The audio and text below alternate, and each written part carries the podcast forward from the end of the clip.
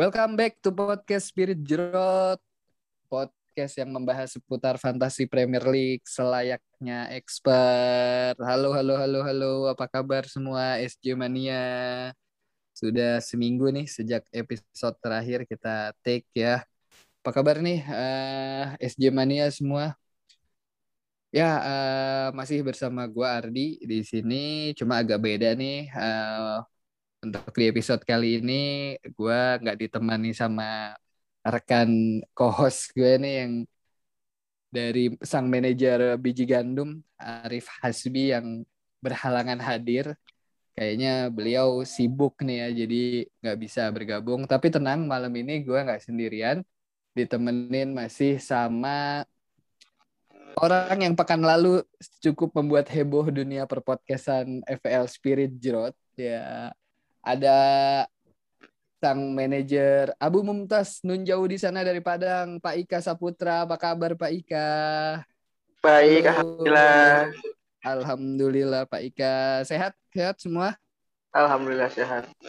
Sehat semua ya Pak Ika ya. Gimana Nggak nih? bakal bahas Arsenal lagi kan ya? Enggak dikit-dikit aja tipis. Eh, gimana? ya. persiapan GW4 sudah siap uh, untuk uh, sekarang Pak Ika ada di pucuk ya, sedikit lagi naik ke pucuk ya. Belum, masih masih masih level 3 lah. Masih peringkat tiga. Oke Pak Ika, nah kita nggak berdua doang nih Pak Ika, ternyata kita ada ini baru nih yang disebut sebagai the real expert nih. Ya, salah nih, baru, satu, bener. ya ini salah satu orang yang memang sudah bergabung juga dari fantasi, eh, sorry di FPL Spirit seksi eh, season awal ya. Benar nggak ya, Dan Iya, benar. Benar. Iya. Iya tuh suaranya udah langsung iya. Kan? Langsung iya. Sebenarnya orang lama sih ya. Sebenarnya orang lama cuma orang di tua sih lebih tua. Dan juga beliau ini rekornya amat sangat sulit untuk dipatahkan nih Pak Ika. Mantap. Karena dia tiga musim berturut-turut menjadi juara ini untuk beberapa tahun ke depan nih berat nih rekor uh, ini bakal dipatahkan ya. Yuk langsung aja please welcome kita sambut sang manajer dari Black HFA Om Hamzah. Halo Om Hamzah. Ya, halo semuanya. Uh, gimana? Rada ini sih Benar. kok sehat, agak sehat-sehat alhamdulillah. Rada lebay ya, ya. jadi gergetan saya masuknya. Aduh. Om Hamzah, Om Hamzah kayaknya nggak kedinginan nih ya season ini terlempar kayaknya dari puncak ya Om Hamzah ya? Kemarin kemarin game week 2 kan saya di puncak ya. Mm-mm. Cuma uh, bosan gitu, takut dimusuhin banyak manajer, jadi saya berspekulasi mengkaptenkan Harry Kane dan hancur. jadi terlempar dari lima besar bahkan ya, Om Hamzah terlempar yeah. dari lima besar ya? Iya, masuk 11 dari satu langsung 11. Wih, turunnya jauh banget kayak Arsenal ya Pak Ika ya. Turunnya jauh banget. Atau belum naik Pak, malah turun terus. Oh iya iya. Tapi malam ini kita nggak usah banyak-banyak bahas Arsenal lah ya. Seperti yang kita tahu eh, kemarin tanggal 31 Agustus eh, bursa transfer sudah ditutup dengan banyak kejutan dan ini tergolong bursa transfer terpanas ya sepanjang masa ya dua mega bintang pindah dari klubnya, satu ke Prancis, satu kembali ke Premier League gitu. Tapi kita nggak bahas secara keseluruhan, kita mungkin akan bahas Premier League karena menyambut game week 4 Sabtu besok eh, ini bareng Pak Ika sama Om Hamzah kita akan bahas atau akan memberikan rekomendasi pemain-pemain yang baru bergabung nih setelah bursa transfer kemarin ditutup nih di masing-masing klub Premier League ya. Uh, Om Hamzah sama Pak Ika, uh, Pak Ika dulu deh. Pak Ika gimana nih Pak Ika menurut Pak Ika bursa transfer kemarin nih Pak Ika? Cukup mengejutkan uh, atau biasa aja atau gimana Pak Ika? Dari ngelihat tim apa seluruh keseluruhan ya berarti ya? Iya iya keseluruhan. Kalau mengejutkan sih ya tahun ini banyak yang itu ya bikin kaget ya pindah banyak yang udah hampir jadi legenda di klubnya malah pindah ya itu sih bikin kagetnya di 2021 memang beda. Iya iya iya. Kalau Om Hamzah gimana Om Hamzah ngelihatnya nih dari geliat bursa transfer kemarin nih? Walaupun uh, saga Kylian Mbappe nggak jadi ya. Sempat isu ke Liverpool ya Mbappe ya. bohong itu bohong. Oh, ya, Gimana Om? Nggak jauh beda sih ya. Emang eh, menarik sih, menarik untuk diikuti, menarik untuk eh, dilihat lah ya. Dan ya selain yang di dunia sih, yang paling utama adalah pindahnya Mark, Mark Klok dari Persija ke Persib Bandung. Oh, lagi ke situ. Iya iya iya iya itu emang itu salah satu transfer yang cukup mengejutkan itu di di kancah nasional begitu. Oke kita nggak usah berpanjang kalam ya. Eh, game week 4 sebentar lagi eh, Pak Ika mungkin sudah bersiap di peringkat tiga. Eh, ini saya sendirian nih di Liga 2 nih nggak ada temen nih. Eh, Pak Ika dan Om Hamzah di Liga 1 harusnya ada Arif ya. Cuma Arif berhalangan nih. Eh, banyak klub mendatangkan pemain-pemain baru dan sejauh mana mereka akan memberikan impact positif kepada klubnya kita mungkin akan bahas ya. Mungkin pertama dari klub kebanggaannya Pak Ika nih dari Arsenal. Cuma nggak usah banyak-banyak kali Pak Ika ya. Kita bahas tipis-tipis aja nih. Ada beberapa pemain masuk, ada Ben White dari Brighton Albion, kemudian ada Martin Odegaard. Ini musim sebelumnya juga di Arsenal ya, cuma dipermanenin ya. Ya, permainan. Terus Aaron Ramsdale yang juga udah kita bahas kutukannya tentang tim yang dia bela degradasi. Ya Allah. Terus ada juga Japan itu Takehiro Tomiyasu dari Bolonya, ada Albert sama Nuno Tavares juga ya. Eh, ini gimana nih Pak Ika nih sebagai fans Arsenal nih ngelihat pemain-pemain yang diboyong oleh Arteta nih gimana untuk di tim fantasi Premier League kita nih sebagai rekomendasi. Kalau sebagai rekomendasi paling Odegaard sama White ya yang udah banyak yang keep kemarin. Tapi White sempat dijual lagi karena dia kan eh, penampilannya kurang bagus di game GW1 terus dia kena Covid juga jadi banyak yang jual. Kalau untuk pembeliannya ini kan pemain Arsenal kebanyakan yang dibeli umur 23 lah maksimal 21 sampai 23 Mm, mm, mm, mm. kalau kata Arteta kan jangka panjang ya. Kemarin juga sempet Edu diwawancara sama Sky Sport. Oh, Sky Sport ya, apa sama Arsenal. Kemarin kan Edu diwawancara tuh, di, terus yang eh, si penanyanya bilang ke si Edu, kita sudah geram nih melihat Arsenal tiga pertandingan kalah terus. Nah, kata Edunya ya sabar aja karena kita baru mulai baru mulai karena kita baru kedatangan pemain baru ya walaupun kedatangannya banyak pemain-pemain muda ya. Jadi Mm. kalau kalau fans mah mintanya kan yang yang instan lah, yang yang bintang gitu langsung bintang. Tapi ya mungkin Arteta sama Edu punya rencana lain gitu. Tapi Arsenal ngasih kesempatan Arteta sampai Oktober katanya. Jadi kalau seandainya masih jelek juga, ya sudah goodbye gitu. Hmm, oke oke oke. Tapi kalau Pak Ika sendiri akan mengkeep Ben White atau gimana nih? Atau Martin Odegaard lah minimal. Ya seperti yang saya bilang di podcast sebelumnya, saya kan gabung di FPL yang ada harus pakai pemain Arsenal. Tapi Iya iya iya. kalau antara Odegaard sama White, saya kalau disuruh milih lebih milih Odegaard sih. Kalau back Odegaard, saya ya. belum yakin. Soalnya kalau back saya lebih suka ke pemback back sayap gitu dibanding Hmm. back tengah ya. Kalaupun Oh, reguler kayaknya holding sih kayaknya dibanding White mah. Hmm, tetap holding ya. Oke, siap siap. Kalau Om Hamzah ada komen tentang eh, transfernya Arsenal nih Om Hamzah? Ben White oke kah? Di belakang harganya lumayan ya? Ben White ya? Buat setengah, buat setengah. Iya, iya. Kalau saya sih ngelihatnya eh, ya apa ya mungkin yang kemarin mengecewakan ya tiga pertandingan awal terus eh, kalah semua bahkan nggak mencetak gol ya. Cuma kan kalau kita melihat lawan-lawan di tiga pertandingan itu emang berat lah. Ya salah salah duanya kan Chelsea sama City. Nah mulai game week 4 dan game week, week berikutnya ini jadwalnya lumayan bagus nih Arsenal. Kalau saya sih malah melihatnya eh, justru menariknya Ben White ya daripada Odegaard. Kalau misalkan kita mau milih Arsenal bagian depan-depan sih saya lebih milih yang lain, misalkan Bukayo Saka gitu ya yang lebih atraktif lah kalau nyerang. Hmm, Dan jaminan poin pastinya ya. Ya minimal satu ada lah. Iya, eh, Oh, ya iya. ya artinya berarti uh, transfer Arsenal nih uh, dengan pemain-pemain yang ada silahkan bagi yang mau mau apa istilahnya ya uji nyali untuk pakai pemain Arsenal mangga dipersilahkan gitu ya. Iya, apalagi harganya murah kan. Begini hmm. amat klubnya. Sabar Baik ya. Oke, next nih The Villa.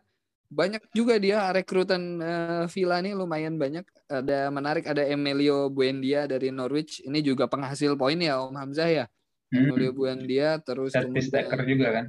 Yes, Uh, ada sang uh, striker Soton musim lalu Dani Ings yang juga jadi banyak pilihan para manajer fantasi Premier League. Terus pulangnya kembali Naldo nih ke tanah Inggris. Gimana nih Om Hamzah nih uh, pemain Villa nih pantauan-pantauan menurut Om Hamzah nih?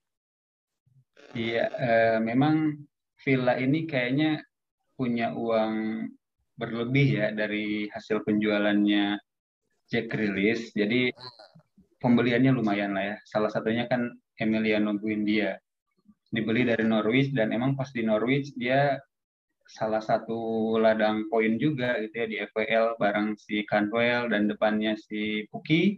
Nah itu lumayan lah patut untuk di kita lihat itu. Mungkin orang-orang juga sudah memikirkan itu bahkan dari awal ya dari game week 1 dan banyak yang sejauh ini sih masih kecewa.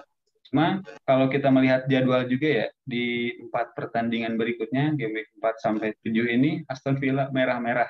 Menurut saya sih makin sini eh, peminatnya menurun ya. Begitupun dengan Danny Ings, meskipun kemarin poinnya bagus-bagus sih, kayaknya ke sini-kesini banyak yang tumbalin dia bersama Bruno misalkan menjadi Ronaldo gitu, atau bahkan nyari striker-striker lain yang yang lebih jaminan lah melihat dari sisi jadwalnya gitu, misalkan eh, DCL gitu misalnya atau yang lainnya. Mm -hmm. Kalau Naldo sendiri gimana Naldo? Nah, Naldo ini dia eh, kalau saya lihat sih dari sisi belakang ya, dia paling menarik makanya karena dia tuh mainnya mainnya ke sayap ya, mainnya ke sayap eh, midfielder lah dia. Cuma ketika di FPL kan posisinya jadi jadi back ya, jadi defender. Nah ini yeah, ada ada kredit sendiri lah buat uh, para para manajer. Ini Ronaldo ini patut di inilah patut di kita pantau lah. Hmm, oke okay, oke. Okay. Sementara uh, kalau Dani Ing sendiri itu juga menghasilkan poin ya sebenarnya dari awal nih ya Om Paika ya. Dani yeah. Ings di, di match 1 match 2 bahkan dia mencetak gol ya di GW 1 GW 2 udah golnya udah dua, asisnya udah satu. Mm-hmm. Poinnya udah 19. Bagus Gimana, sih. Denning wajib dikip Pak Ika?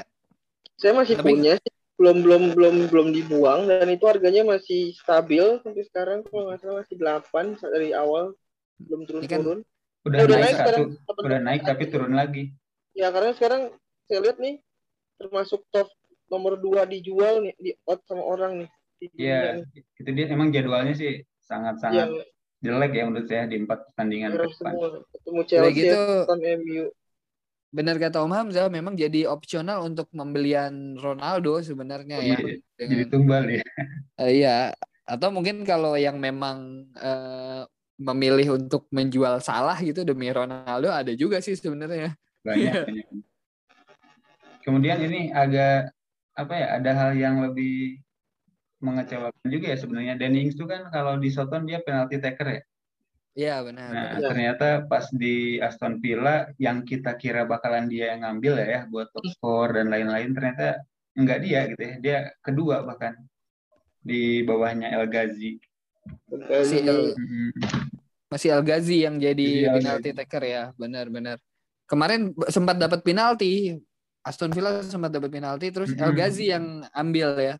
Iya ada juga yang Ings dia yang nendang kan, cuma ketika El Ghazi-nya sudah ditarik keluar di akhir babak kedua. Uh, tapi potensi Ings ke depan masih oke okay lah ya Om. Uh, after masih, 4 masih. game week ya, after 4 game week uh, minimal dia bisa hmm. bersaing sama DCL gitu dengan harga yang sama atau Antonio ya bahkan yang lebih murah ya. Iya, masih sebenarnya ya namanya striker andalan timnya gitu kan mau lawan siapa pun ya menurut saya sih peluang ada-ada aja. Iya iya iya iya. Oke, okay, next uh, Brentford mungkin uh, bukan nggak mau kita bahas ya. nggak banyak nggak banyak perlu yang kita ini ya. Di ada selanjutnya ada Brighton Hove Albion. Mungkin ada satu nama mencuat nih uh, Barcelona eh sorry. Eh Kukurela Barcelona bukan ya? Kukurela iya. Sempat Barcelona dia La Masia ya sempat La Masia, ya? cuma terakhir di Getafe. Getafe terakhir ya sayap uh, kiri Kukurela gimana nih potensi Kukurela nih Pak Ika dulu deh Pak Ika gimana Pak Ika ngelihat Kukurela nih Kukurela siapa sih dia Kemarin ada di posting ya di grup rambut yang ya yang si kriwil kriwil ya. Uh, kriwil kriwil. Ya saya pernah bilang sih ini sebagai anak Olim gitu ya. Kemarin kan dia saya lihat dia main di Olimpiade. Hmm, iya iya iya. anak Olim. Terus ya kalau lihat di tapi kok dia di posisinya defender ya? Iya, malah gelandang di... malah gelandang kiri ya harusnya. Ya? Iya biasanya sih kalau saya main di game sebelah ya dia biasanya tuh left midfielder gitu. Cuma pas di FPL dia jadinya defender. Nah berarti jadi opsi juga kan. Jadi hal-hal menarik tuh seperti itulah. Sebenarnya dia defender gitu kan. Padahal ditaruh di gelandang serang gitu kan. Jadi dia hmm. banyak peluang-peluang lah. Cuma ya dengan harga 5,0 buat defender sih menurut saya banyak pemain-pemain lain yang lebih menarik. Ya mahal sih hitungannya. Hmm, hitungannya mahal lanjut di Burnley ini Burnley juga nggak terlalu banyak transfer yang kita ketahui nih cuma kembalinya siapa nih uh, Aaron Lenong yeah. udah tuir juga de, dulu berjaya bersama Spurs ya. Tapi kayaknya nggak terlalu berimpact juga sih sejauh ini Aaron Lenong ya di Burnley. Iya belum belum. Belum main tuh Nah, ini kita lanjut berikutnya nih uh, salah satu klub Taipan kaya nih ya miliknya Roman Abramovich ini. Lukaku bukan orang baru di Premier League. Dia sebelumnya udah juga bergeliat bersama Chelsea kemudian Everton sampai United gitu dan sekarang secara WBA. mengejutkan ya WBA juga dia secara mengejutkan ditebus dari Inter Milan gitu dan uh, sejauh ini gimana performanya nih Om Hamzah nih, Om Black gimana nih? Lukaku, Lukaku ya, Lukaku. Saya pernah lihat dia main tuh cuma pas lawan Arsenal ya. Dan itu spot jantung juga karena eh, sebagai manajer FPL yang nggak punya dia ngeri juga ya. Peluangnya banyak banget gitu kan. Peluangnya banyak banget gitu. Awalnya bodoh, Pak. Ya, cuma ya sekarang sih Lukaku menurut saya ya salah satu pilihan yang realistis lah ya buat salah satu striker premium lah forward premium di Premier League apalagi buat FPL tapi kalau misalkan mau ya mendingan eh, tunggu game week 7 ke sana dulu lah sebelum melewati Villa, Tottenham, eh, City yang kira-kira sih bakalan sengit ya. Nah setelah itu sih baru sih ambil Lukaku kalau mau. Kalau dari segi harga sendiri Lukaku kan dua belasan ya, dua belasan. Sebelas setengah pak. Sebelas setengah. Sebelas gitu. Sebelas setengah. Sebelas setengah sebelas. Uh, jadi mungkin opsinya ya kalau nggak mungkin bisa juga sih punya Harry Kane dan Lukaku atau Ronaldo bisa sih sebenarnya ya. Nah, Tapi ya. Beckham empat semua harganya. Tapi kayaknya agak agak nih apa ya ya gimana ya peluang untuk walaupun sebenarnya progres Lukaku besar juga ya Pak Ika hmm. ke depannya. Nah, iya benar uh, setelah GW 7 tuh boleh lah beli. Jadi dari GW 456 beli Ronaldo dulu, habis itu jual Ronaldo, beli Lukaku. Iya iya iya. Uh, ini juga ada nama menarik nih Trevor Chalobah nih ya masih muda dan sempat uh, dapat kesempatan ya dari dia naik sebenarnya dari Chelsea U23 nih. Iya.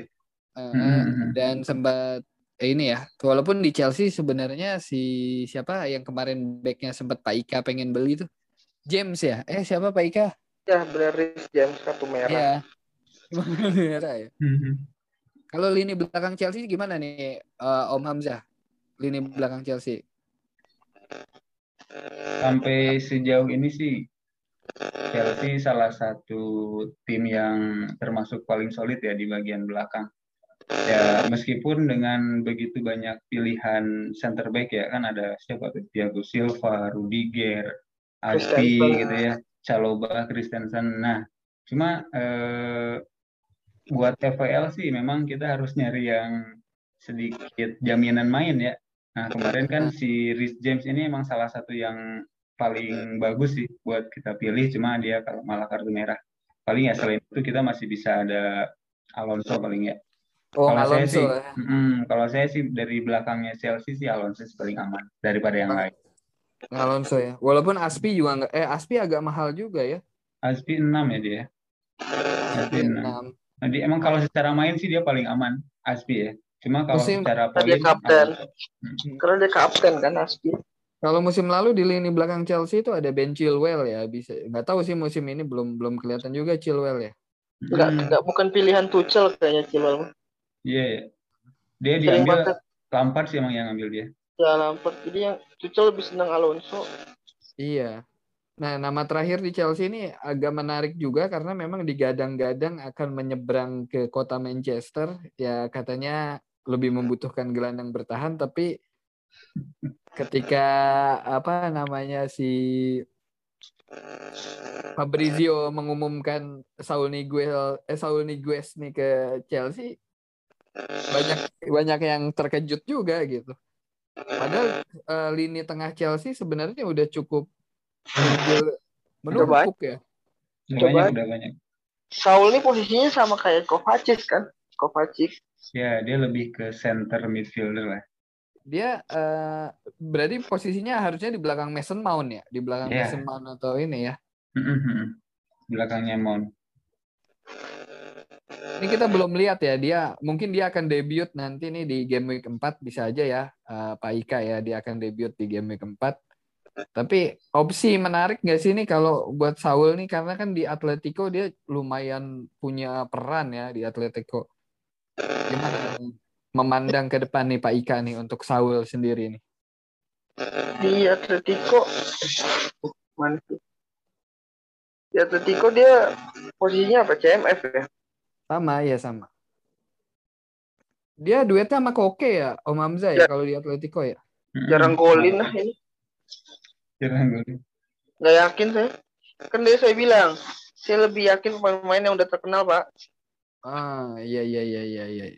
Apalagi nih dia baru kan di Liga Inggris. Sebelumnya kan dia selalu di Liga Spanyol kan. Benar Baru- benar benar. Mungkin belum nggak tahu ya kalau pemain Spanyol ke Inggris yang udah jadi siapa? Sabi Alonso paling. Sabi Alonso. Ya, David memang. Silva. mm-mm. beda posisi kan. Sabi Alonso paling kan yang yang udah bisa ini. Belum yakin sih kalau ditanya mau ngikip atau enggak belum belum yakin. Oke, berarti ini tanda tanya sebenarnya Saul Nigel Niguez ya. Kita lihat aja sih dia performnya ke depan karena dia belum belum bermain sama sekali ya. Dia baru didatangkan di menjelang penutupan gitu.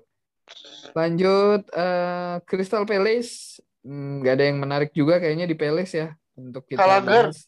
Gallagher Pak. Oh iya sorry sorry Gallagher kemarin Gallagher, Gallagher.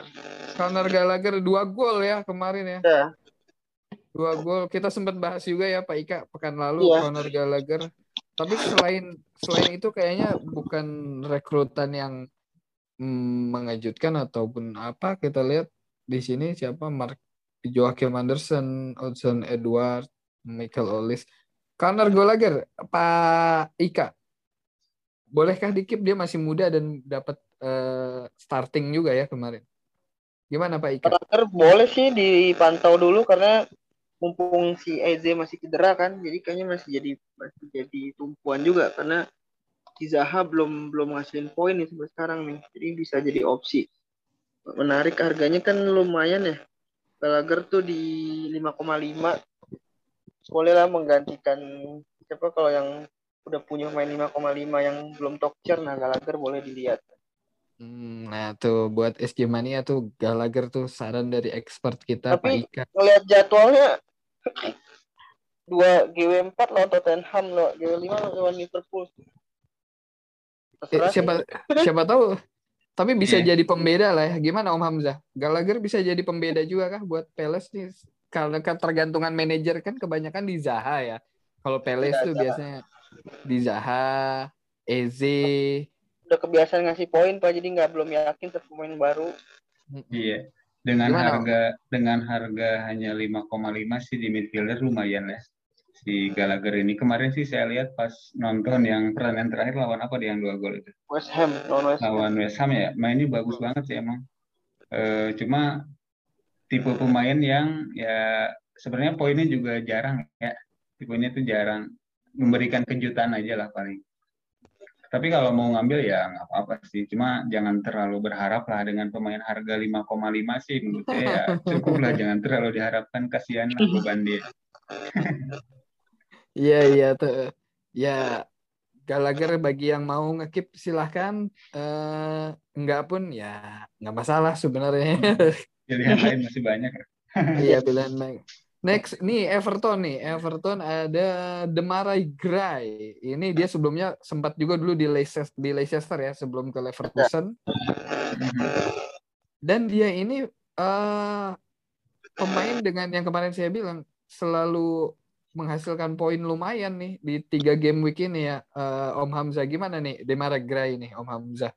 Nah ini salah satu yang eh, lebih menarik gitu ya daripada sekedar Gallagher bahkan secara tim juga lah ya Everton ya harusnya lebih wah gitu kan daripada daripada Crystal Palace ya. Nah si ini juga Demarai Gray dia dari tiga kali main ya dia udah dapet 19 poin. Nah ini sangat menarik sih untuk kita lihat ke depannya ya. Ya misalkan mau beli ya beli aja sekarang jadwalnya juga bagus kok di tiga tiga pertandingan berikutnya dia eh, tidak ketemu Big Six lah minimal. Ya, atau minimal tiga game week ke depan dia bisa menghasilkan 19 poin lagi ya, Om Hmm. Hamzah ya. Mantep kali ya. Terus kemudian eh, mungkin nama-nama lain seperti Andros Townsend udah udah kita kenal, Solomon Rondon, Asmer Begovic. Rondon balik lagi ke Liga Premier League. Iya, terus ada Mo eh sorry, Mosekin kan keluar ya ke Juventus. Nah, Iya. eh, ada Leeds United nih eh, mendatangkan Danny James yang katanya proyek tumbal Manchester United untuk nomor 7 Cristiano Ronaldo nih ya, Danny James nih. Dia potensinya bagus begitu. Dua tahun di MU juga tidak begitu jelek sebenarnya Danny James. Kemudian tapi memang sepertinya Danny James ini cocok dengan Bielsa. Kalau Pak Ika ngelihatnya kayak apa nih Danny James nih? Danny James. Dia sayap ya. Sayap. Paling dia dibeli buat gantiin Alioski bukan? Eh beda ya, Alioski, Alioski mah back ya. Ya, Fir- Alio. Firpo sih, Firpo yang buat Firpo. Alioski. Kema tiga game tiga game week baru ngasilin tiga poin. Di di MU juga jarang main kan ya dia? Itu di MU udah kan ya? Mm-mm, Di MU udah. Tiga poinnya dari MU. tiga poin dari MU. Mungkin bisa jadi reguler sih main di Leeds seperti Gilmore kan. Gilmore kan di Chelsea nggak dapet tempat si Norwich kan dia dia mulai main terus tuh. Nah mungkin James mungkin kayak begitu juga kali di di Leeds. Di Leeds ya. Mhm. Harganya Iya. juga nggak terlalu mahal ya, Om Hamzah Harga ya. 6, harga 6. Mhm. Mm-mm. Mungkin eh, Leeds tertarik ngambil dan James ini buat apa swab swab sama si siapa yang satunya di kiri itu Harrison ya Eh, Harrison, sama Jack Harrison. Hmm. Soalnya kalau di kanan kan Rafinha sama si Roberts tuh di sana udah ini ya udah sering udah udah ada backupnya lah di kanan udah ada backupnya si Rafinha. Nah mungkin di kiri kali ya Harrison. Soalnya kalau saya lihat di minggu lalu ya yang pas main di Piala apa tuh? Carabao ya? Carabao. Harrison main main banyak gitu ya Harrison main banyak. Terus abis itu main di Premier League lagi Harrison main lagi gitu ya. Menurut saya sih butuh serp lah di sana buat ganti-ganti sekali-kali. Iya dan uh, Hmm. mungkin ini juga jadi apa namanya jadi pendulang poin Iya. juga mungkin ya. Bisa Karena kan jadi Misalnya duet dengan Patrick Bamford juga lumayan ya di depan nih. Bamford juga harganya naik ya, Turun. Turun. Ya.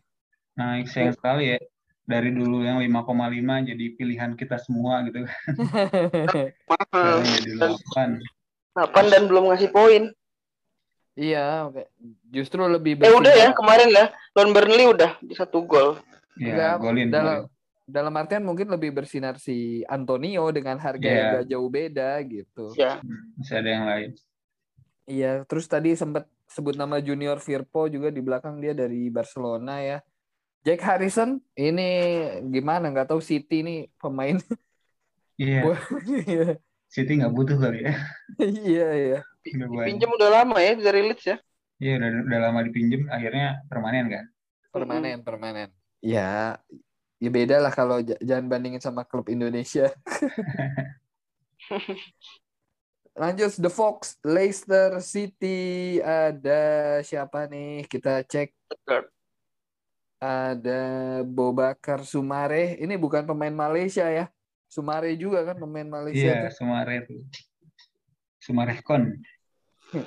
Ini menarik. Yannick Vestergaard. Ini pilihan juga musim-musim sebelumnya di Soton. Sekarang pindah ke Leicester nih. Om Hamzah gimana ngelihat Yannick Vestergaard nih untuk di keep or not? Eh, kalau dari kalau di Leicester-nya sih belum ya. Nah, itu yang menarik si Vestergaard ini kan dia punya postur yang tinggi ya. Boros Ya. banget ini badannya. Dan musim lalu kan jadi banyak manajer lah yang menggantungkan harapan ke dia dari sundulan-sundulannya ya. Dari free kick, cornernya, umpan dari James Ward-Prowse. Nah, dia kan nyundulnya enak tuh. Bahkan saya juga di awal sempat ngambil dia di draft ya, di draft awal tim musim ini tuh saya ngambil Yannick ini sebelum ke Leicester. Nah, setelah pindah ke Leicester ya langsung saya buang aja. Dia juga eh, nge-backup siapa yang cedera patah kaki si pemain Leicester tuh? Di Leicester tuh iya, Fofana. mm-mm, Fofana Fofana. ya. Fofana. Itu sempat masuk draft saya juga tuh si Fofana. Cuma Fofana patah kan, kaki. Aduh. pemain reguler harga 4,5 main di Leicester itu sangat menarik sebenarnya. Menarik banget sih. Walaupun walaupun lini belakang Leicester Soyun Soyuncu ya, Soyuncu juga Mm-mm, so you- berulang mau. Evans kan cedera ya, Evans cedera. Evans cedera sama siapa yang eh, musim lalu lumayan poin juga eh, Leicester belakangnya? Siapa? Yang Pereira. siapa? Eh, Pereira. Apa Justin? Oh, oh, Justin, Justin bener Justin. Bukan, bukan Justin Laksana ya.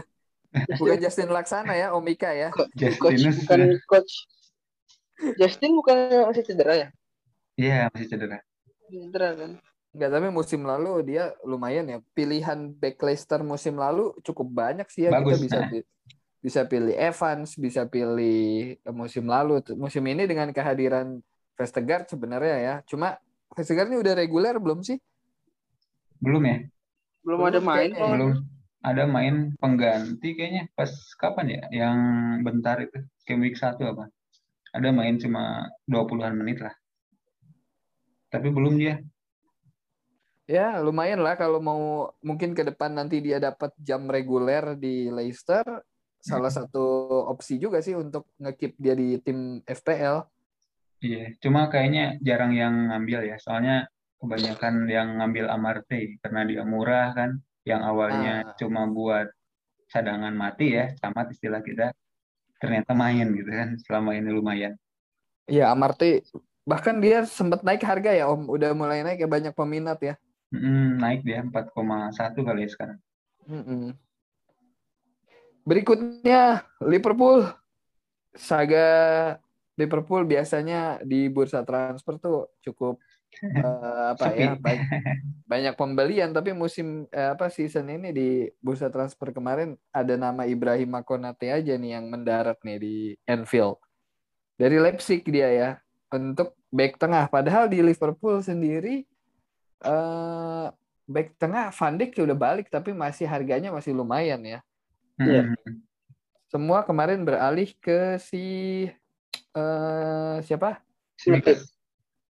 si siapa kemarin eh back Liverpool si aduh lupa kok Yang mana? ya Simikas. Simikas Simikas Simikas. ke Simikas. beralih Iya. ke Simikas gitu nah si Simikas juga kan eh kemarin berhenti ya torehan poinnya ya sempat asis bahkan ya Iya. Simikas yang sempat asis Lawan Burnley.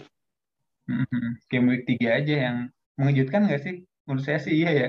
Yang yeah. dengar-dengar si Mikas bakal starter lagi, terus tiba-tiba Robo kan starter ya.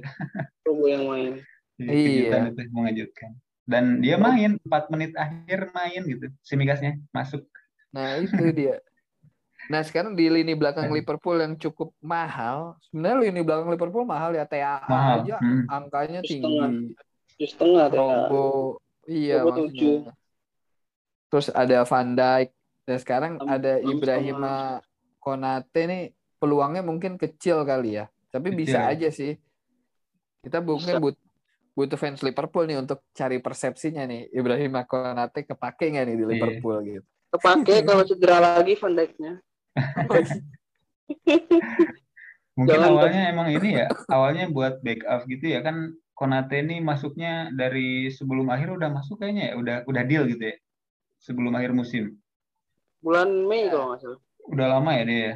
Udah lama dia. Udah lama ya. Apa diserang Liverpool di di- Liverpool Dilan. Iya kalau nggak salah bulan Mei deh duluan gitu. Iya. Terus Karena eh, buat Hmm. backup back-backnya yang pada cedera gitu kan. Terus musim baru masuk sekarang ya. Terus back-back yang cedera tuh udah pada sembuh semua kan. Van Dijk, Iya. Matip, Gomez itu udah pada main semua. Apalagi masih ada Nat Philip masih ada nggak? Kayaknya sih Masih, ada ya. masih, masih. Nat Philip. Iya kan kemarin sempat di apa ya dicengin istilahnya dengan pembeliannya eh pembelian dengan peminjamannya Ben Davis sama Ozan Kabak ya di pertengahan musim itu untuk nambel lini belakang ditinggal cederanya Van Dijk. Tapi ya kalau kata coach Justin tetap aja ancur-ancuran gitu lini. Maha benar Gus Yasin. Jadi ya mungkin Ibrahima Konate ini nggak begitu apa ya nggak begitu jadi opsi untuk dipilih ya Om Hamzah atau Pak Ika ya. Iya, harganya udah turun dua kali malah. Nah, itu dia. Ini selanjutnya eh, kita ke kota Manchester nih, kita bahas yang biru dulu ya. Manchester City sera- 100 juta untuk Jack Grealish worth it nggak sih ini Pak Ika nih? Kalau seharganya sih kalau ngeliat kontribusinya ya boleh lah gitu karena udah ngasih poin kan Grealish berapa pertandingan. Dia udah gol yang gol debut gol- juga ya. Gol Udah, pertamanya agak agak cebok ya. Gol cebok mudah. cebok kan mudah ya kalau kata Bung Areza. Iya, iya. Ya gol juga baru satu sih. Lawan Arsenal tadi kan ngasis. Iya. Asis. Yang lawan Norwich yang golnya itu. Tapi sengaja. Tapi memang itu khasnya Grealish ya. Dia eh, gocek sedikit crossing, go- Mm-mm. gocek sedikit crossing gitu. Ya kalau di musim lalu ketika dia di Villa banyak kasih sumbang sih, gimana nih musim ini potensinya gimana nih Om Hamzah ngelihat Grealish? Grealish ya. Eh, kalau di City sih kayaknya sih Pep suka ya gaya mainnya dia. Apa gara-gara harganya mahal terus dia merasa bertanggung jawab untuk memberi kesempatan-kesempatan terus gitu ya. Cuma ya dari tiga pertandingan kan dia start tiga kali ya. Dan yang dua kali ini juga Hmm. dia main full dan secara main juga bagus-bagus aja kok. Dia kan eh, salah satu pemain yang mungkin paling enak buat dijatuhin gitu ya goyang-goyang dikit pasti dijatuhin gitu dan itu kan bisa menghasilkan poin tersendiri buat eh, FPL ya apalagi kalau misalkan free kicknya jadi gol ya yang golin misalkan KDB nanti. Atau misalkan dia di kotak penalti jatuh jadi penalti ya itu lumayan bagus lah. Ya terus ya KDB harganya juga hmm, harganya juga kan dia berapa? 8 kali ya? Kapan? Mm, 8 Berapa? itu ya dibandingkan Mahrez ya 8,9 9 kan asalnya. Ya Grealish salah satu yang paling menarik sih menurut saya setelah Torres ya. Karena Torres kan dia main false nine jadi striker Iya, Torres terakhir dua assist ya Arsenal ya pas lagi menghajar Arsenal dia dua gol Dua sorry. gol. Dua Dua gol. ya? Dua gol Torres eh, Satu asis. lumayan lumayan jadi opsi juga 7 koma kan Torres tuh masih 7 koma 1,1 sekarang. Cuma satu ya. Jadi, ya opsi yang menarik sih sebenarnya lini tengahnya City tuh ada Grealish ada Torres mungkin nanti ketika KDB balik kalau Sterling mungkin sekarang belum kelihatan banget Sterling ya Tapi jadi cadang jadi ba- babak kedua terus. Belum ada yang sebenarnya ada yang menarik dari City ini si Gabjes sebenarnya Gabjes ya assist-nya banyak deh banyak dari game week pertama gitu. Kalau mau ngekip ngekip Gabjes sebenarnya ya Om. ada pilihan Hmm. lain kah Om mungkin di di City? Lini belakang kan udah udah pasti ada Diaz atau Iya. ada eh sekarang Cancelo. bukan bukan. Cancelo. Eh, Iya, Laporte, ya. Hmm, Laporte. Ederson Ya. kayaknya nggak mungkin. Ederson kan mahal sih. Agak riskan untuk nyimpan seorang Ederson gitu. Ya, tapi memang eh, di City kan dia striker hampir nggak ada ya. Paling cuma Gabjes ini emang yang striker di City yang punya kesempatan paling banyak lah. Itu pun juga kayaknya melihat Pep eh, gaya mainnya itu lebih sering pakai false nine ya, jarang pakai striker. Dulu kan pas musim lalu lebih banyak naruh Sterling yang jadi striker. Sekarang eh, Sterling nggak ada, meskipun ada Gabjes juga ya dia masih ke mana-mana lah, masih si Torres malah yang sering ada di depan kotak penalti. Dan untuk po- posisi penyerang sih masih ada Ronaldo dan yang lain-lain lah. Atau mungkin Pep memang mencoba untuk melepas ketergantungan sama Aguero dari musim lalu kali ya. Dengan Aguero Hmm. cedera gitu. Dia, dia berani main uh, false nine dengan Sterling yang dijadikan uh, tombak gitu. Jadi ya sebenarnya menilik menilik apa uh, City lumayan juga sih potensi-potensinya untuk disimpan dengan harga yang nggak begitu tinggi ya. Sekarang Torres aja 7 terus eh, si Grilis juga 89 Wah, eh 8 dia. 8 pas. 8. Hmm. 8 Gabjes juga delapan setengah paling 8 naik kali ya, 8 setengah kemarin. Jadi ya ya ini feeling ya kita kalau main fantasy Premier League biasa ya ini feeling ya siapa yang kira-kira pemain akan menghasilkan poin Hmm. nah, dengan harga-harga sekian gitu. Tapi Secara kayaknya kan Man City gitu. Man City loh ini. Ya kapan lawan siapa pun mereka masih bisa nyari gol gitu. Betul. Apalagi nanti ketika KDB udah fit balik udah ke performanya bisa juga KDB jadi jadi pilihan. KDB kan pemain dengan penghasil poin yang lumayan per setiap musim ya. Iya. Setiap musim KDB tuh. Eh, Pak Ika ada tambahan tentang Grilis sebelum kita lanjut ke Manchester yang lain? Skillful but no vision. Tapi mungkin di di tangan Pep Guardiola dia bisa punya vision mungkin, mungkin. Mungkin lagi nyari, lagi nyari kali ya. Vision dan mission. ya pemain skillful harus sering dilanggar. Kita Iya. lihat aja. Oke, Manchester United. Ini headline-nya luar biasa ini. Pemain-pemain yang datang ini. Kita bahas eh, satu-satu dulu kali ya. Jadon Sancho ini udah Sancho ini udah dari berapa musim terakhir dikaitin sama United. Om Hamzah sebenarnya MU butuh nggak sih ini Sancho nih di depan gitu? Kan sudah ada Rashford, apalagi sekarang si kayu hijau Greenwood makin on fire. Menurut Om Hamzah butuh nggak sih Sancho nih di depan? Kayaknya butuhnya tuh dari kemarin-kemarin ya. Pas sayap kanannya lagi lemah-lemahnya tuh. Kan pas Cavani-nya belum datang tuh si Greenwood dia jadi penyerang. Nah, yang di kanan ini dia dan James. Nah, lemahnya tuh di sana. Jadi banyak dikait-kaitin sama Sancho. Dan sekarang ketika udah datang ya malah Greenwood-nya yang di kanan kan ya. Malah Greenwood yang di Iya. kanan dan mainnya lebih bagus. Tapi Sancho juga bukan pemain jelek sih ya. Kita tahu sendirilah dia eh, kualitasnya seperti apa. Walaupun Iya. sejauh ini dia belum bisa menghasilkan hal-hal yang luar biasa gitu kan. Masih muda pula ya, masih muda. Mudah banget ya, berapa? 21 kan? 21. Dan Iya, menariknya Sancho nih ternyata Academy City ya. Saya baru lihat nih. Ya, Hmm, Academy City. Academy City Hmm. dia. Tapi apa Iya. dia kena ini kali ya? Kena mental gagal penalti final Euro kah? Lama Bisa banget Tam. Masa nggak juga. beres-beres? Ya itu Bukayo Saka buktinya belum bisa angkat Arsenal ya Pak Ika. Itu Arsenal Arsenal ya Pak, bukan bukan yang Saka doang Pak. Oh itu Arsenal Arsenalnya. Ya Berat ini ya. eh, tapi Sangkun sekarang dengan apa namanya dengan eh, si Greenwood yang semakin on fire, peluang Mhm. Sancho gimana nih buat dia masuk ke line up gitu. Harganya harganya Greenwood lumayan. Bukan Greenwood bukannya di depan ya kemarin ditaruh Pak. Kayak sering Enggak. golin. Sekarang di Iya, kanan dia. kemarin yang babak terakhir dia hmm, dia dari kanan bawa sendiri kan yang bukannya Varane. iya. Eh uh, Jadon Sancho nih, jadi harganya gimana? Nggak terlalu tinggi juga ya? 9,2 udah turun dia, udah turun tiga kali. Udah turun tiga kali. Udah Awalnya mahal kali. itu, sembilan setengah itu mahal hitungannya. Iya, dia masih mahal. Dan masih tabrakan ini, tabrakan sama Bruno ya.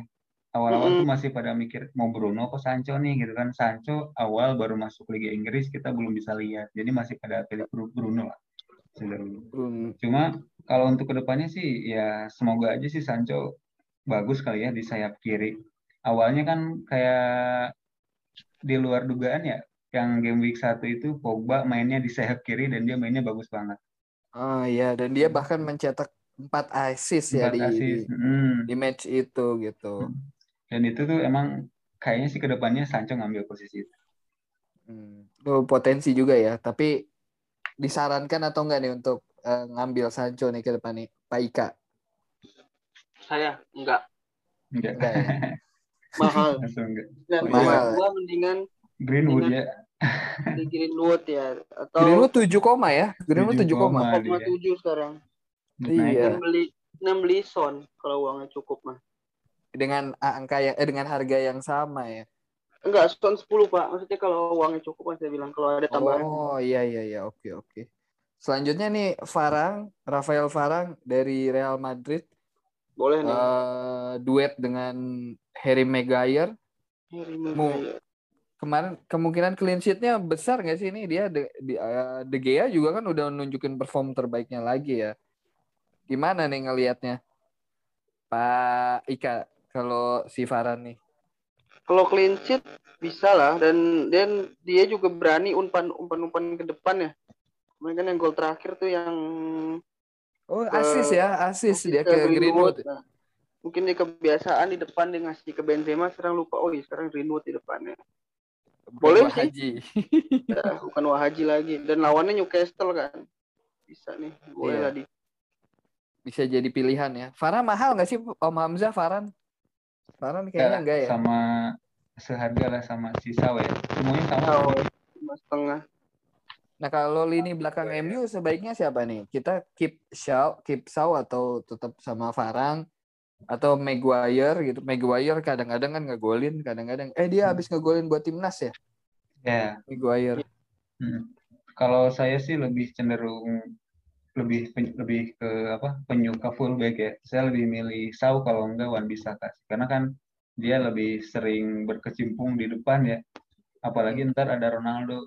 Menurut saya sih umpan-umpan Sau kalau bisa ya memanjakan Ronaldo, uh, mantep banget. Nah itu dia tuh. Nah kita, udah terlanjur kesebut Ronaldo nih kita bahas juga nih ya. Anak hilang yang pulang pulang kampung gitu Ronaldo dan uh, katanya untuk menghadirkan nomor tujuhnya itu menumbalkan Danny James ya supaya Cavani bisa pindah nomor. Sebenarnya nih uh, Ronaldo kan kembali. Ini ya kita lepas kita nggak bahas uh, drama ketika dia kepulangan ke United tapi harga 12 setengah ini lumayan buat para manajer buat mikir gitu. Dengan usia dia yang sudah senja istilahnya harga 12 setengah worth it nggak sih Om Hamzah nih si Ronaldo nih untuk kita keep di tim? Kalau para ekspert yang lain sih bilang iya ya iya Ronaldo gitu kan. Tapi ya, ya mm, secara apa ya saya sering lihat Ronaldo main lah ya dari di Madrid di Juve gitu kan. Menurut saya sih nggak ada pemain yang uh, semangat mainnya ya semangat mainnya tuh lebih Ronaldo sih dalam lapangan mau posisi kalah mau posisi menang dia tuh paling ngotot lah untuk nyari gol gitu ya dan ya itu bagus berarti kan buat uh, eh, FPL Cuma kalau saya sih nggak ada salahnya lah kalau kita mau lihat satu pertandingan dulu aja. iya, besok melawan Newcastle. Hmm. Newcastle uh, di home. Di home. Itu West Ham kayaknya habis itu berat juga. Uh, bisa aja jadi debut gol Ronaldo kembali ke hmm. eh dan dia dipastikan penalti takernya United ya. Kayaknya udah ada, ya. udah ada kayak soalnya Bruno kan ya kita lihat aja uh, role-nya si Ronaldo posisi Ronaldo di Portugal kan. Nah, makanya orang nggak yakin dengan Bruno makanya ngejual. Mungkin dia jadi Iya. penalti, penalti taker bisa jadi. Ya, dan Bruno. Bruno juga ini ya, dia kayaknya cukup eh, menghormati Ronaldo. Saya Iya, se-. Sebenarnya ada, tapi kan Ronaldo sekarang nih eh, dia ter- kita eh, terlepas dari dia pemecah rekor terbaru ya 111 gol untuk timnas gitu. Ada yang menarik Ronaldo dia sekarang terkenal dengan trademarknya itu eh, vertical jump headernya tuh. Hmm. Nah di di MU sendiri kan Aaron Wan Bisaka atau si Luke Shaw lumayan nih dalam crossing. Artinya Ronaldo bisa sih sebenarnya kita masukin di dalam tim. Cuma dengan harga 12 setengah nih cukup menguras value tim juga sih Pak Ika ya. Harus ngejual ya seperti manajer lain ngejual Bruno plus ngejual Ings baru bisa keep Ronaldo. Pokoknya ngejual Ah. penyerang yang premium juga. Iya gitu. Sementara kan eh, pilihannya kalau Om Hamzah salah Ronaldo atau jual salah keep Ronaldo atau gimana? Gimana Om? Kalau saya sih emang udah kepalang mau jual salah ya kemarin. Jual salah dia. Dan itu salah. Ya, emang- Salah. Iya, emang nggak boleh apa ya, nggak boleh sombong kali ya, nggak punya salah gitu kan. Manusia mana yang kita nggak punya salah? Iya iya iya. iya. Eh, Sebuah kesalahan menjual salah ya. Ya, tapi memang awalnya salah dan tidak rencananya emang iya, rencananya kan saya kemarin tuh saya jual salah, terus saya eh, masukin Harry Kane ya. Nah, emang Harry Kane ini eh, rencana awalnya adalah flash placeholder buat Ronaldo gitu kan. Dan menurut saya sih manajer-manajer lain juga pasti banyak yang kalau mau ngambil Bruno ya eh, mau ngambil Ronaldo ya harus buang Bruno gitu kan karena dua premium dari satu tim kayaknya terlalu berat ya. Jadinya pasti akan eh, ngejual salah satu lah yaitu Bruno. Dan secara harga sih berarti nggak terlalu berat gitu ya. Kalau misalkan Bruno juga kan 12 12-an ya. Ya, 12. Nah, heeh, buat mindahin dia ke Ronaldo sih harusnya nggak terlalu susah. Hmm, opsional ya ketika kecuali eh, kita emang benar-benar kepengen ngekip Ronaldo dan Bruno dalam satu tim ya silahkan itu kalau memang Yuk. kalau memang mau gitu. Siapa tahu kan Bruno yang ngasih crossing. Iya iya iya iya iya. Eh, opsional juga untuk jadi kapten Ronaldo di tim FPL. Banget. Banget banyak kok. Banyak kok. Banyak yang langsung ngaptenin mah. Sangat ini ya eh, apa namanya ekspektasi terhadap Ronaldo ini sangat besar ya. Penasaran sih weekend ini seru banget sih. Eh, lanjut lah ya. Newcastle ada Joe Willock ini udah dipermanenin. Arsenal dari Arsenal. Santiago Munoz ini the real film yang menjadi nyata. Walaupun nama beda sedikit ya. Habis ini pindah ke Madrid. Iya, sama Zidane sama Beckham ya. Iya bener. Mencerminkan Oke. usia kita masing-masing. Eh, next Norwich Milot Rasika ini banyak juga jadi pilihan para manajer nih Om Hamzah nih Milot Rasika masih muda sayap kanan eh, harganya juga nggak terlalu mahal gimana Om Hamzah nih melihat Milot Rasika nih dari Norwich Rasika ya. Kalau di game sebelah sih saya lihat dia selalu punya card yang bagus-bagus ya.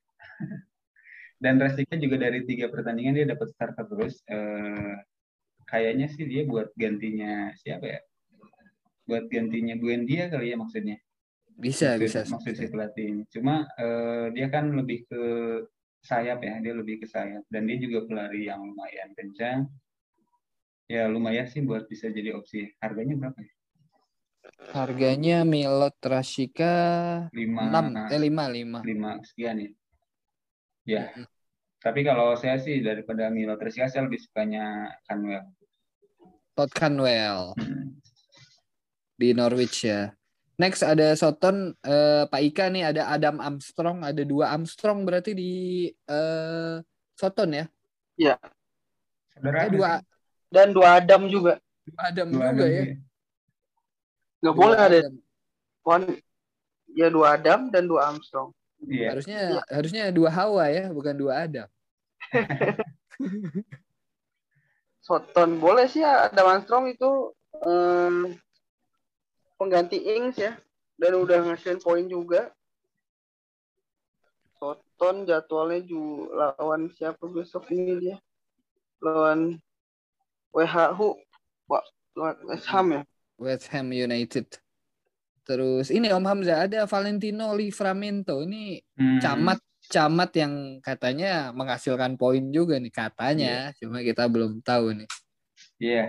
Nah, itu sih emang kalau dari Soton sih saya lebih menariknya uh, Livramento ya. Livramento. Mm-hmm, Dia Livramento. back juga ya, back yang lumayan. Itu iya, pas ya. lawan apa ya yang saya lihat? Oh pas lawan MU. Dia itu kan mm. dia itu full back kanan ya. Pas lawan MU tuh mainnya bagus banget. Sering menggiring ke depan gitu kan. Tiba-tiba crossing itu lumayan lah ya. Bagus banget sih untuk harga 4. Udah naik kali ya sekarang. Udah naik ya. Satu.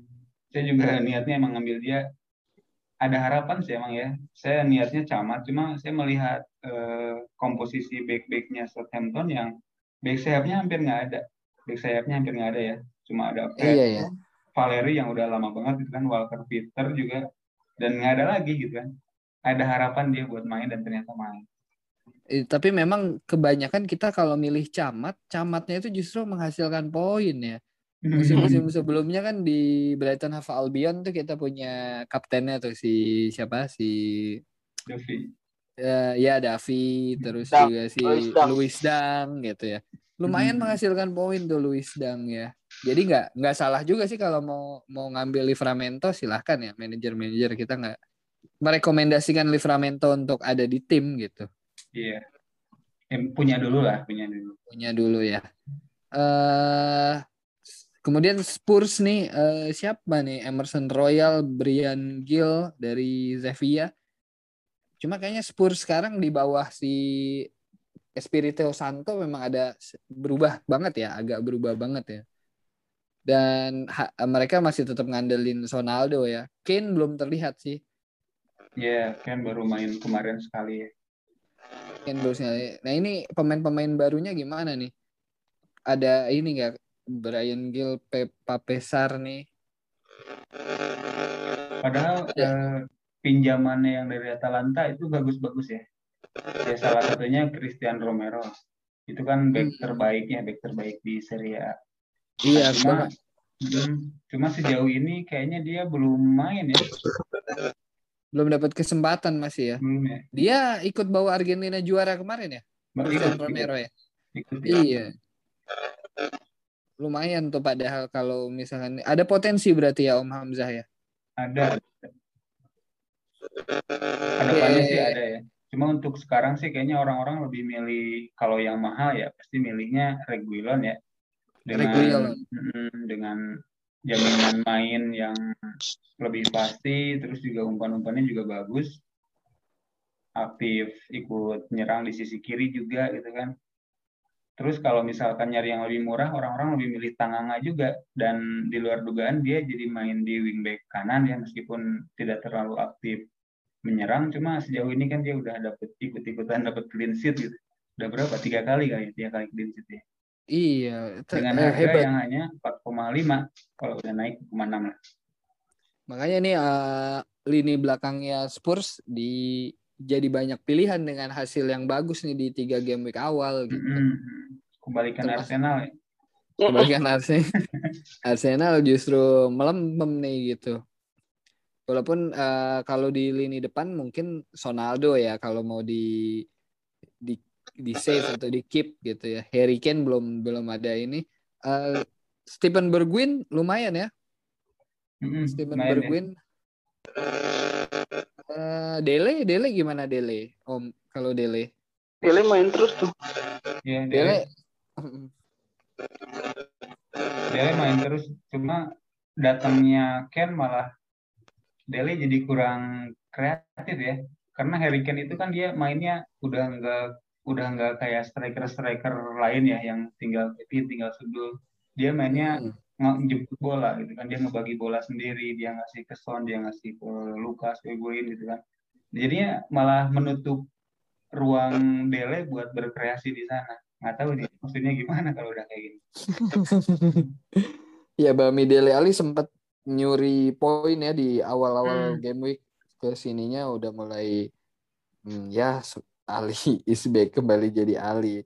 Watford nggak banyak kejutan di Watford. Lain lengkap aja kita lengkap ke WSM. WSM ada si senyuman manis Kurt Zoma bergabung di belakang. Jadi juga ya dia ternyata. Jadi juga di akhir. Jadi juga. Walaupun sebenarnya uh, kalau udah dilihat dari transfernya WSM nggak begitu banyak ini ya nama nama-nama besar atau menengah gitu ya. Tapi menarik, menariknya adalah uh, Said Ben Rahma, kemudian Michel Antonio mulai naik lagi. Musim lalu sebenarnya udah mulai kelihatan sih. Ya, Antonio setelah, udah kelihatan. Setelah udah sembuh ya, setelah sembuh. Musim lalu dia cedera lama. Jadi pas sembuh emang udah langsung bagus juga sih sebenarnya. Kalau yang bagus ya.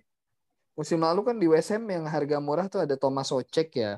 Atau hmm. musim Socek nggak belum belum kelihatan sini uh, tiga game ini saya ngelihatnya. Dan Om harganya Hamzah. naik. Atau ada Om Hamzah punya pilihan lain selain Antonio atau Ben Rahma untuk lini tengah atau belakangnya WSM nih? Nah, sebenarnya yang ditunggu tuh uh, Jesse Lingard balik ke West Ham ya di permanenin. Cuma ternyata batal gitu dan itu menyia-nyiakan uh, bakat seorang Lord Jesse Lingard gitu ya di MU kita semua yakin lah di MU dia nggak bakal terlalu banyak main dan itu jadi sia-sia cuma ternyata ke, ke kegagalan West Ham untuk ngambil Jesse Lingard ini malah jadi berkah tersendiri ya buat Ben Rahma di mana dia mainnya udah bagus banget lah dari dua game week kali ya. Yang ketiga juga bagus, cuma dia kurang beruntung iya. aja lah. Dia itu kalau kalau kata Arif ada yang beli itu jadi ada yang beli ya. iya. Pak Ika kayaknya beli ya Pak Ika ya. Oh, kalau... sama Reza. Bukan saya doang. Oh, Pak Ika beli gak? Ya beli GW3 ternyata poinnya cuma dua. Nanti lawan MU poin lagi lah. Iya iya iya. selain itu sih ini yang menarik Fornals. Fornal. Pablo, ya. Pablo Fornal ya. Pablo Fornal. Pablo Kemarin golin kan terakhir. Uh, kalau si Creswell masih oke okay nggak sih Pak Ika Creswell? Boleh masih uh, sayapnya masih masih boleh lah di ekip ya antara Creswell atau Koval karena mereka udah sering ngasih poin juga apalagi Creswell udah dari musim lalu juga udah rajin ngasih poin. Sekarang pun gue malah udah golin satu asis satu ya si Creswell. Jadi hmm. kalau di mau dikip silahkan. Harganya pun belum naik, masih lima setengah. Oh, Creswell masih lumayan menghasilkan poin lah. Artinya sebenarnya potensi pemain-pemain West Ham untuk kita keep lumayan besar gitu ya Om. Iya. Uh, ya di lini belakang juga harganya nggak terlalu tinggi. Tengah ke depan Antonio nggak nggak terlalu premium sebenarnya Antonio ya. Terlalu Tapi Antonio udah naik empat kali. Antonio ada empat kali naik ke tujuh koma sembilan sekarang nih. Iya. iya. Terlalu murah berarti harganya. Kalau Antonio nih kayak bam fraud musim lalu kayaknya nih. ya paling cepat. Diminati cepet banyak orang juga. Oke Las, ada terakhir nih Wolves. Uh, mereka masih ke Portugalannya masih kenceng ya kalau dilihat dari apa transfernya ya ngedatengin Josesa sebagai penggantinya Rui Patricio. Terus uh, ini menarik Trincao. ada Francisco Trincao ya Barcelona dan dia udah permanen main ya berapa berapa tiga match ini dia main ya. Main semua. Jadi midfield. Uh, Pak Ika ngeliat Trincao gimana nih Pak Ika nih? Bolehkah layak kah? Trincao udah ngasih poin 7 uh, dia CMF ya? Apa sayap? Uh, sayap bisa dia sayap, sayap bisa. Uh, kayaknya Depan IMF dia ya. Dia. Hmm, IMF kayaknya ya lebih ke IMF. Saya malah penasarannya mau ngelihat ini si pemain Korea Selatan yang pernah dipecundangi Evan Dimas itu sih katanya. Oh, kita. si Hijau Uang, uang. Iya, iya, iya, iya dia kalah di GBK ya tapi sudah menginjakan kaki di Premier League sementara yang mengalahkan dia di GBK gimana sekali dia ya pengen tahu aja kan biasanya pada pemain-pemain Portugal ada Korea sendiri nih bisa dimainin nggak jadi. Iya. Eh, kalau secara overall di Wolves sendiri eh, Jimenez masih bisa dipilih juga ya Om. Dia musim lalu terhenti karena cedera kepala ya, cukup parah kan di tengah musim tuh. Padahal sebelum-sebelumnya Jimenez juga ini pendulang poin ya Om. Iya. Kalau saya sih eh, ngelihat Wolves ya dari tiga pertandingan ini kayak apa ya mainnya udah lumayan ya mainnya udah lumayan apalagi secara eh, permainan individualnya Traore saya sering melihat dia eh, dribblenya ya dribblenya banyak banget bahkan kalau kalau kita melihat di statistiknya di apa Huskor ya dia tuh meskipun timnya kalah tapi mungkin efek dari statistik itu ya statistik pribadinya dia dia sering jadi bintangnya gitu dari bintang lapangannya meskipun pertandingannya tuh kalah karena kalau kita melihat dari umpan, dari shoot, sama dari dribblenya, dribblenya itu biasanya hampir belasan lah dari satu kali main. Dan menurut saya sih itu tinggal nunggu waktu aja lah buat dia panen. Hmm, nah tuh kan pemain tuh untuk terus ada masih ada ada Traore juga ya. Nah itu dia ada Traore yang paling menarik. Mm-mm. Dan dia Belum go, belum golin ini si Wolves sama kayak Arsenal. Nah dia tuh nunggu Jimenez-nya Tokcer aja. Jadi eh, kreasinya si Adama Traore sih udah lumayan ya.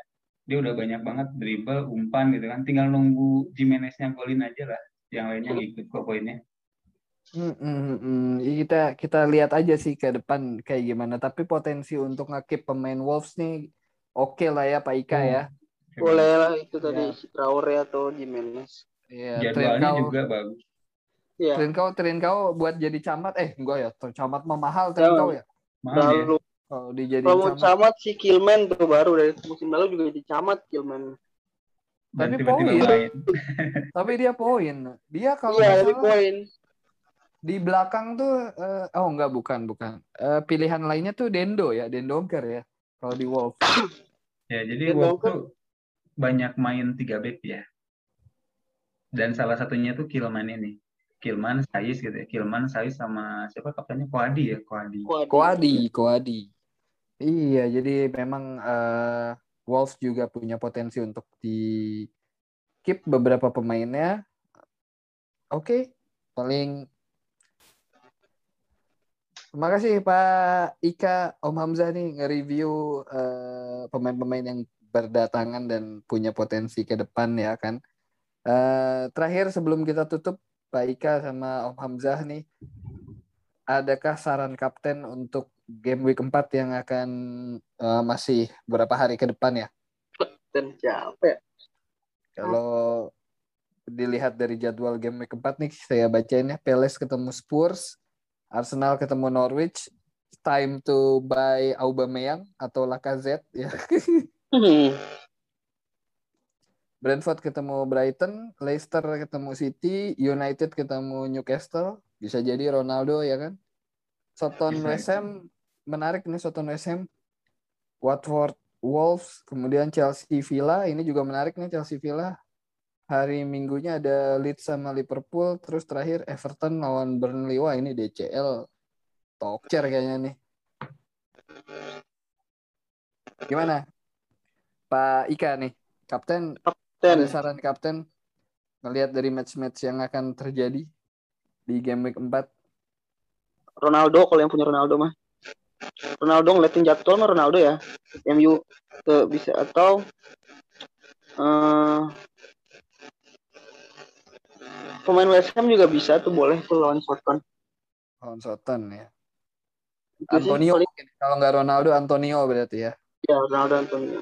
Ronaldo, Antonio. Om Hamzah, gimana Om Hamzah? Ada pilihan nama berbeda dari Pak Ika? Yang nggak yang saya nggak punya adalah Muhammad Salah. Oh, karena Liverpool Karena- ketemunya Iya, nah. Leeds. Ketemunya Leeds. Leeds. Leeds kan kita tahu lah ya, dia mainnya eh, tidak bertahan gitu ya. Dia mainnya tidak bertahan. Ya, bermain itu terbuka, jadi betul. hmm, dia bisa memberikan banyak ruang lah buat Muhammad Salah. Kalau misalkan Muhammad Salahnya main ya kita nggak tahu karena kan ada rumor-rumor dia minta naik gaji ya. Iya iya iya berarti kalau tadi Pak Ika Ronaldo atau Antonio Om Hamzah ngerekomen salah ya. Nih, catat tuh, catat.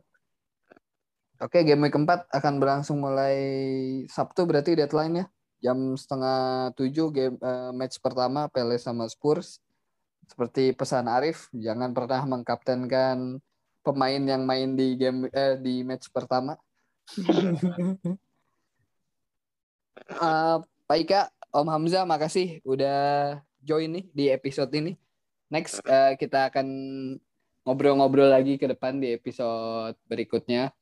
Uh, makasih banyak uh, udah join.